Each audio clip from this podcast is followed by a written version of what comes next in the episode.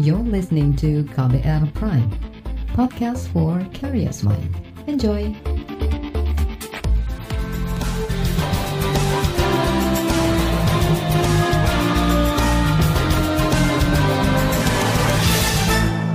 Disiarkan langsung dari studio KBR di Jakarta, inilah KBR sore hari ini 20 Oktober 2022. Halo, selamat sore saudara. Apa kabar Anda sore hari ini? Kembali saya Reski Mesanto hadir selama kurang lebih 30 menit ke depan dan tentu saja saya siap untuk menjadi teman Anda. Saudara sejumlah daerah di tanah air telah dilanda bencana seperti banjir dan tanah longsor. Berdasarkan data Badan Nasional Penanggulangan Bencana atau BNPB, pada bulan ini sudah terjadi lebih dari 220 bencana alam. Banjir menjadi kejadian bencana yang paling banyak terjadi, disusul tanah longsor dan cuaca ekstrim. Bencana-bencana tersebut umumnya disebut bencana hidrometeorologi atau bencana yang terjadi akibat perubahan iklim dan cuaca. Badan Meteorologi, Klimatologi, dan Geofisika atau BMKG memperingatkan akan terjadinya potensi bencana hidrometeorologi di berbagai daerah dalam beberapa hari ke depan. Lantas, apa dan bagaimana upaya pemerintah pusat dan daerah dalam menghadapi bencana dan meminimalkan terjadinya korban jiwa? Kita bahas selengkapnya di KBR sore.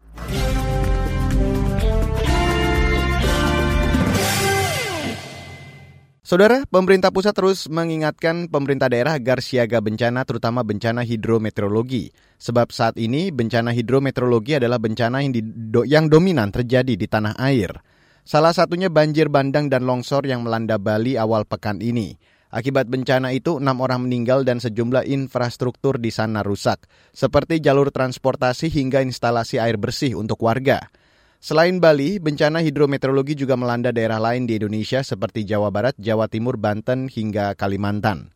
Badan Meteorologi, Klimatologi, dan Geofisika atau BMKG telah menetapkan status siaga bencana hidrometeorologi di sejumlah wilayah di Indonesia. Berikut pernyataan perakirawan BMKG Eva Septiani kemarin. Daerah konvergensi juga terpantau memanjang dari Kalimantan Tengah hingga Kalimantan Barat bagian selatan dan juga di Papua. Kondisi tersebut mampu meningkatkan potensi pertumbuhan awan hujan di sekitar wilayah pusat tekanan rendah atau sirkulasi siklonik dan di sepanjang daerah konvergensi tersebut. Ya Sobat BMKG, dari perakiraan cuaca berbasis dampak, kami menetapkan status siaga terhadap potensi bencana hidrometeorologi seperti banjir, banjir bandang, dan juga tanah longsor. Pada tanggal 19 Oktober 2022, status siaga kami tetapkan di wilayah DKI Jakarta, Jawa Barat, Jawa Tengah, dan juga Jawa Timur. Sedangkan untuk hari Kamis 20 Oktober 2022, status siaga ditetapkan untuk wilayah Sumatera Selatan, Bengkulu, DKI Jakarta, Jawa Barat, Jawa Tengah, dan juga Jawa Timur, serta Banten. Untuk tanggal 21 Oktober 2022, status siaga ditetapkan di wilayah DKI Jakarta, Jawa Barat, Jawa Tengah, Jawa Timur, dan juga Banten. Kami menghimbau bagi sobat BMKG yang berada di sekitaran wilayah-wilayah tersebut agar tetap berhati-hati dan juga waspada dan juga terus pantau informasi cuaca maupun peringatan dini cuaca yang selalu kami perbaharui. Selanjutnya mari kita simak perakiraan cuaca untuk tiga Selain BMKG, belum lama ini Badan Nasional Penanggulangan Bencana atau BNPB juga mengingatkan BPBD di daerah untuk siaga bencana. Tujuannya ialah mencegah jatuhnya korban jiwa. BNPB juga mengingatkan potensi cuaca ekstrim yang akan melanda Indonesia pada periode 15 hingga 21 Oktober besok. Berikut penjelasan Kepala BNPB Suharyanto. Terutama para kalaksa BPBD, ini masyarakat sangat menaruh harapan pada kita. Kalau kita tidak meningkatkan kepedulian, kapasitas, kemampuan, tentu saja korban-korban bencana ini akan lebih banyak daripada yang tertulis di depan ini. Bahwa bencana ini juga berubah-ubah. Kalau kita tidak waspada sekali lagi kita tidak siap sedini mungkin, ancaman bencana ini bisa terjadi pada diri kita. Kemudian mitigasinya, ini yang menonjol dalam satu tahun terakhir. Para kalaksa mohon ini menjadi catatan sehingga nanti Anda semua begitu kembali ke tempat masing-masing sudah menambah ilmunya, pengetahuannya, dan apa-apa yang harus dilakukan ketika terjadi bencana sebelum terjadi bencana ada empat hal ini yang saya sampaikan di depan bahwa sebelum terjadi bencana terkait piranti-piranti lunak yang sudah dibuat tolong dilatihkan. Kemudian berikan edukasi kebencanaan ke semua pihak. Selanjutnya berikan atau tingkatkan kesiapan alat peralatan. Justru sebelum terjadinya bencana ini, BBBD bisa menyiapkan apa-apa yang dibutuhkan untuk menghadapi bencana berikutnya. Jangan sampai begitu kejadian baru tergesa-gesa, tergopoh-gopoh, tidak siap. Yang lebih penting adalah alat prasarana untuk menghadapi bencana yang akan datang. Ini itu evaluasinya. Wilayah Indonesia itu dari Sabang sampai Merauke itu sangat luas. Tetapi yang tidak boleh adalah bencana berulang. Itu yang harus kita sama-sama upayakan baik di tingkat pusat BNPB maupun di tingkat daerah BPBD. Pada pekan kemarin, BNPB mencatat ada 76 kejadian bencana yang tersebar di 21 provinsi dan 56 kabupaten kota. Selama periode itu, banjir menjadi kejadian bencana yang paling banyak terjadi, yakni 36 kasus. Kemudian cuaca ekstrim 23 kejadian, dan tanah longsor 17 peristiwa. Kejadian bencana itu mengakibatkan 13 korban meninggal dan 70 ribuan jiwa terdampak dan mengungsi. Baiklah kita jeda sejenak setelah jeda akan saya hadirkan laporan khas KBR yang akan membahas bencana hidrometeorologi dan sistem peringatan dini. You're listening to KBR Pride, podcast for curious mind. Enjoy!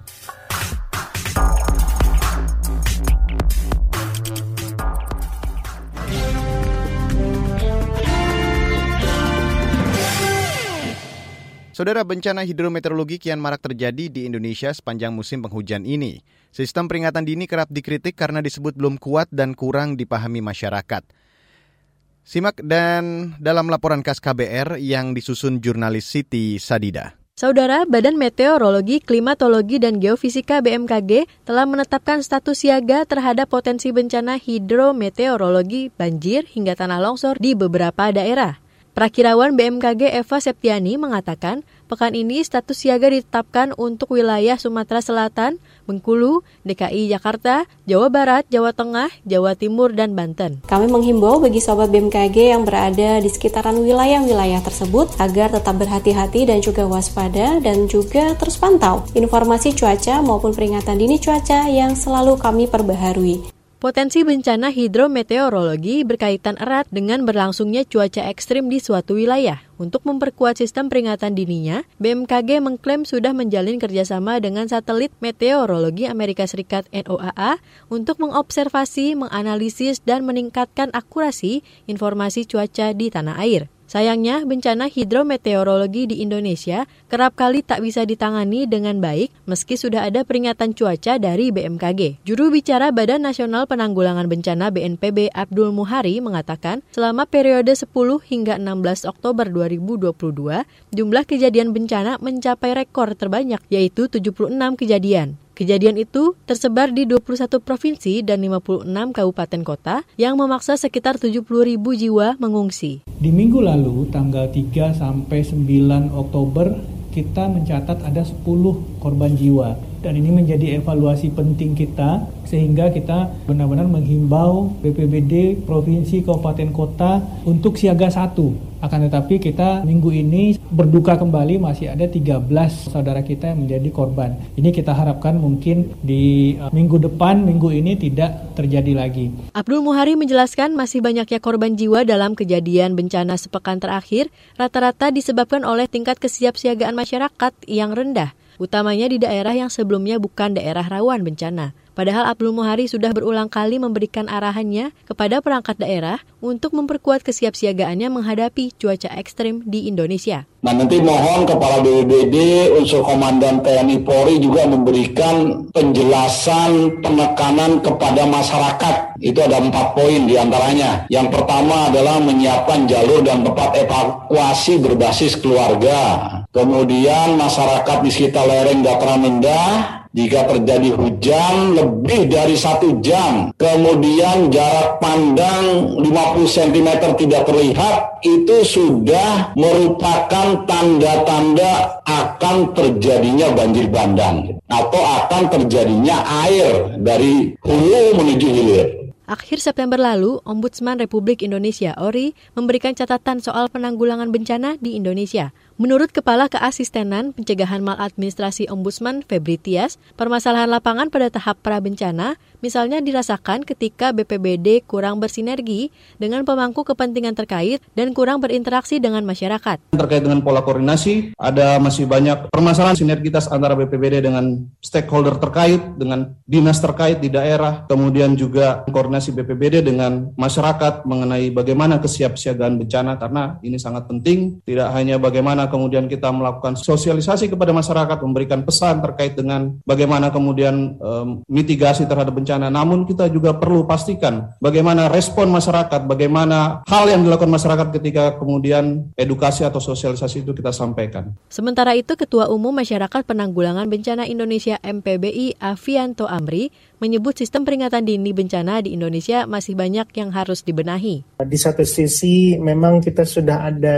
kemampuan dari institusi terkait untuk mendeteksi atau memprediksi akan terjadinya misalnya peningkatan hujan atau ancaman bencana lainnya, tapi masalahnya itu belum sampai ke masyarakat sehingga mereka juga bisa melakukan tindakan preventif atau kesiapsiagaan. Di daerah rawan bencana, Gubernur Jawa Tengah Ganjar Pranowo mengajak seluruh elemen masyarakat lebih peka terhadap sistem peringatan dini ini bencana alam yang telah disampaikan oleh pemerintah. Maka early warning sistemnya, baik yang sifatnya peralatan modern maupun yang sifatnya kearifan lokal, mesti sekarang didorong terus-menerus. Sehingga nanti begitu itu bisa kita cegah, insya Allah tidak ada korban. Kadang-kadang bencananya tidak bisa kita hindarkan, tapi selamatkan dulu korbannya. Yang kedua, setelah terjadi, maka respon cepat yang perlu didorong. Demikian laporan khas KBR, saya Siti Sadida. Saudara beberapa pemerintah daerah mengklaim telah siaga bencana. Lalu apa saja bentuk kesiagaan pemerintah daerah? Selengkapnya sesaat lagi. You're listening to KBR Pride, podcast for curious mind. Enjoy!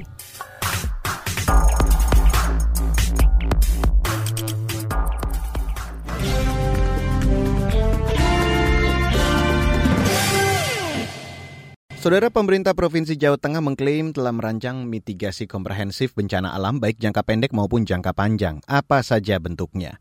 Berikut saya hadirkan perbincangan jurnalis KBR Mutia Kusuma Wardani dengan Gubernur Jawa Tengah Ganjar Pranowo. Pak, BMKG kan memperingatkan kepada wilayah-wilayah yang berpotensi cuaca ekstrim dalam sepekan ke depan curah hujan dengan intensitas sedang hingga lebat diperkirakan terjadi juga di Jawa Tengah, Pak. Ini apa saja antisipasi bencana oleh Pemprov Jateng dalam jangka waktu pendek ini, Pak? Yang pertama semua memantau info BMKG tiap hari, tiap hari. Yang kedua, beberapa kawan-kawan di kabupaten kota mereka sudah mitigasi area-area yang cukup rawan untuk terjadinya bencana, wabil khusus dan banjir dan tanah longsor. Nah ini yang kita selalu sampaikan dan apel siaga dari BPBD termasuk relawan TNI Polri, SAR ya semuanya sudah kita uh, dorong sehingga hari ini posisinya adalah standby dan kemudian saling membantu seandainya di beberapa tempat terjadi itu yang ada. Terkait koordinasi kepada siapa saja Pak pihak yang digerakkan untuk mengantisipasi bencana ini? Untuk leading sektornya BPBD dan antar BPBD komunikasinya tiap hari ada atau tidak ada bencana. Info kebencanaan kita share juga tiap hari kepada mereka. Terus kemudian uh, mereka menyebarkan ke seluruh lini pemangku kepentingan. Termasuk umpama berkaitan dengan kondisi geologi ada SDM-nya, kondisi yang terdampak umpama di jalan dengan bina marganya, terus kemudian uh, banjir ini terkait dengan balai besar wilayah sungai, sumber daya air. Itu selalu begitu. Nah, sifatnya tanggap darurat, nah sosial begitu ya. Maka stok-stok logistik sekarang kita minta untuk standby dan peralatan-peralatannya semuanya kita uh, minta untuk dicek dan betul-betul siap dipakai begitu. Jawa Tengah ini status kebencananya apa Pak saat ini? Oh iya, kalau hari ini masih uh, apa uh, masih terpantau semuanya masih dengan baik statusnya masih normal. Saudara itu tadi Gubernur Jawa Tengah Ganjar Pranowo. Selain mitigasi jangka pendek, Pemprov Jateng juga mengupayakan mitigasi komprehensif jangka panjang.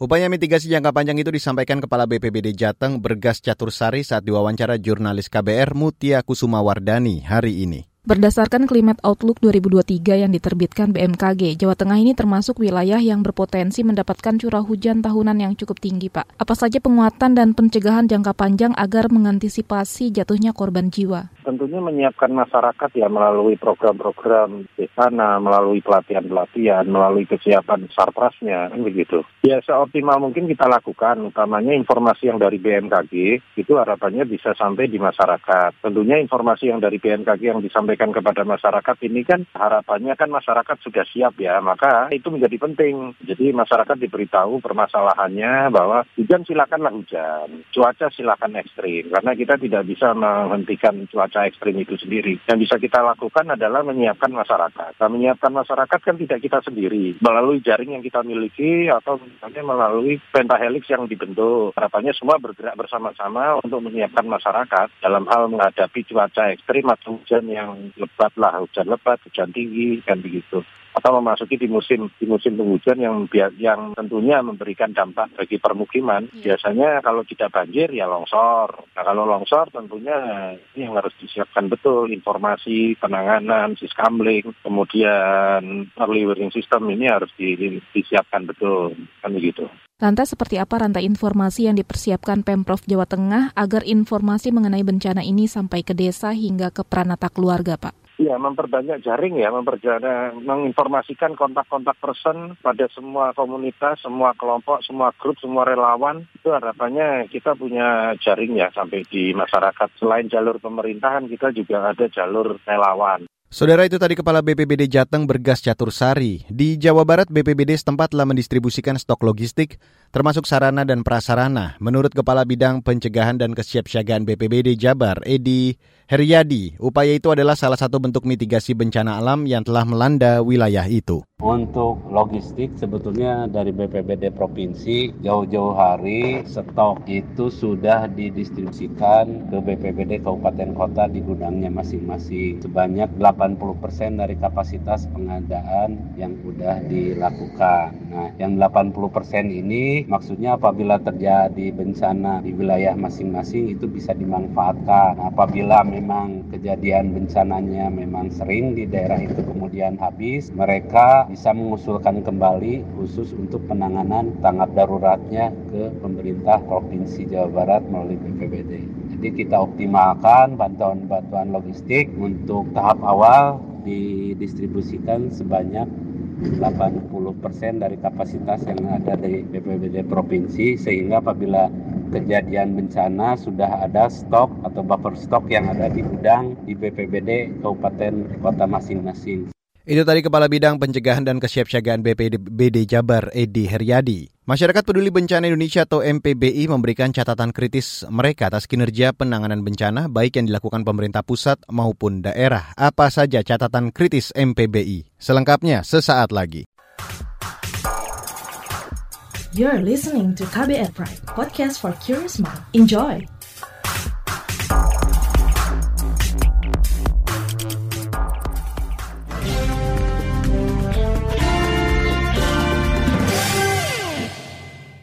Saudara Masyarakat Peduli Bencana Indonesia atau MPBI menilai pemerintah baik pusat maupun daerah masih perlu meningkatkan upaya mitigasi dan peringatan dini terkait kebencanaan. MPBI juga mendorong pemerintah aktif memberikan sosialisasi kepada masyarakat terutama di daerah rawan bencana.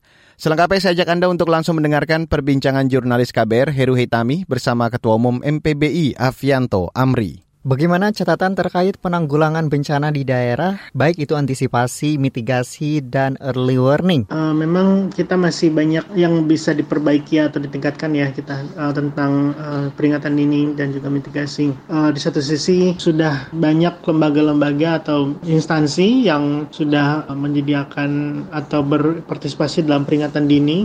Namun di sisi lain kita juga harus melihat bagaimana informasi yang ada itu bisa sampai ke warga dan juga bisa mendorong aksi. Sehingga kalau misalnya kita lihat terkadang misalnya ada informasi dari BMKG gitu ya atau misalnya dari berita, tapi itu kan harus juga perlu dipahami juga bagaimana warga itu bisa memproses informasi yang ada dan juga kemudian mendorong menjadi suatu aksi. Nah, dari MPBI sendiri kita melihat hal ini masih belum muncul ya gitu dalam artian bagaimana masyarakat itu juga bisa dimobilisasi uh, sehingga mereka bisa lebih siap siaga mereka bisa mengetahui uh, apa yang harus dilakukan sebelum saat dan sesudah uh, dan juga uh, minimal mengetahui uh, ke mana mereka harus evakuasi, di mana jalur evakuasinya, bagaimana caranya menuju tempat yang aman dan nyaman dan seterusnya. Seperti apa upaya untuk meminimalkan dampak bencana? Perlu ada leadership baik itu dari tokoh-tokoh di daerah, para pemimpin daerah juga harus menggerakkan dan menginformasikan kepada warganya uh, dan ini juga perlu bekerjasama dengan tokoh lokal, tokoh agama atau para pimpinan-pimpinan lainnya sehingga pertama masyarakat mengetahui apa saja saja bahaya yang mengancam di wilayahnya karena kita ada beragam ya. Ada misalnya banjir banjir bandang tanah longsor angin puting beliung atau hal-hal lainnya ya gitu yang berhubungan sama cuaca dan iklim. Tapi juga tidak terlepas juga kita setiap saat rentan terhadap bencana lainnya seperti gempa tsunami dan seterusnya terutama di lokasi-lokasi yang memang rawan ya. Nah sehingga pertama memperkuat kesiapsiagaan menyebarluaskan informasi hingga ke level masyarakat baik itu tidak hanya orang-orang dewasa saja tapi juga orang-orang anak-anak bisa melalui melalui sekolah-sekolah atau juga kepada orang-orang yang sudah lanjut usia, para penyandang disabilitas, sehingga langkah-langkah yang mereka harus lakukan itu mereka sudah mengetahuinya. Sisi lain juga ada perlunya penguatan peringatan dini sehingga mekanisme dari hulu ke hilir dari mulai munculnya peringatan hingga sampai ke warga juga harus berjalan dengan efektif dan lancar. Koordinasi antar instansi dan juga antara pemerintah dan non pemerintah juga harus berjalan dengan kuat. Ini juga perlu juga menggerakkan dengan swasta sehingga bagaimana kita bisa mengetahui apa saja sumber daya yang kita miliki, rencana apa yang kita punya di ilmu penanggulangan bencana ada yang namanya rencana kontingensi sehingga ini mungkin saatnya kita memutakhirkan lagi atau melihat apakah rencana kontingensi kita sudah sesuai jumlah sumber daya yang dimiliki, apakah ada kesenjangan sehingga apabila kita sudah mengetahui kelemahan-kelemahan kita kita bisa mengantisipasi sebelumnya. Terkait dengan faktor lingkungan, eh, jika dilihat dari sudut pandang kebencanaan, mungkin apa yang masih menjadi catatan? Bagaimana kita bisa mengurangi resiko bencana yang saat ini kita hadapi dan juga bagaimana kita bisa menghindar munculnya resiko ancaman bencana baru. Dan ini kerat kaitannya dengan lingkungan sehingga jangan sampai misalnya pembangunan infrastruktur, pembangunan jalan tol atau pemukiman baru itu malah menyebabkan wilayah tetangganya malah menjadi terkena banjir atau misalnya malah jadi rentan akan longsor dan seterusnya. Banyak sekali cerita-cerita atau studi kasus yang muncul akibat pembangunan yang beresiko yang akhirnya malahan menyebabkan munculnya risiko baru dan malah membahayakan wilayah lainnya. Lingkungan juga memegang andil yang sangat penting dalam artian bahwa konservasi lingkungan, bagaimana kita menjaga lingkungan itu sangat krusial dalam artian wilayah-wilayah industri yang ekstraktif kayak pertambangan, perminyakan dan lain-lainnya itu juga harus memperhatikan aspek-aspek pengurangan risiko bencana dan juga bagaimana masyarakat sekitar juga bisa mengantisipasi kalau misalnya terjadi ancaman bencana dan juga bagaimana mereka juga bisa uh, harus bertanggung jawab dalam artian mencegah terjadinya ancaman bencananya. Saudara itu tadi Ketua Umum Masyarakat Peduli Bencana Indonesia Avianto Amri dan perbincangan ini sekaligus menutup kabar sore untuk hari ini edisi 20 Oktober 2022. Saya Reski Mesanto undur diri, salam.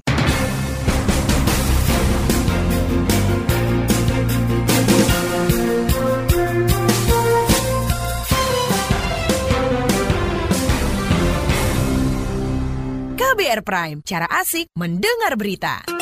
KBR Prime, podcast for curious mind.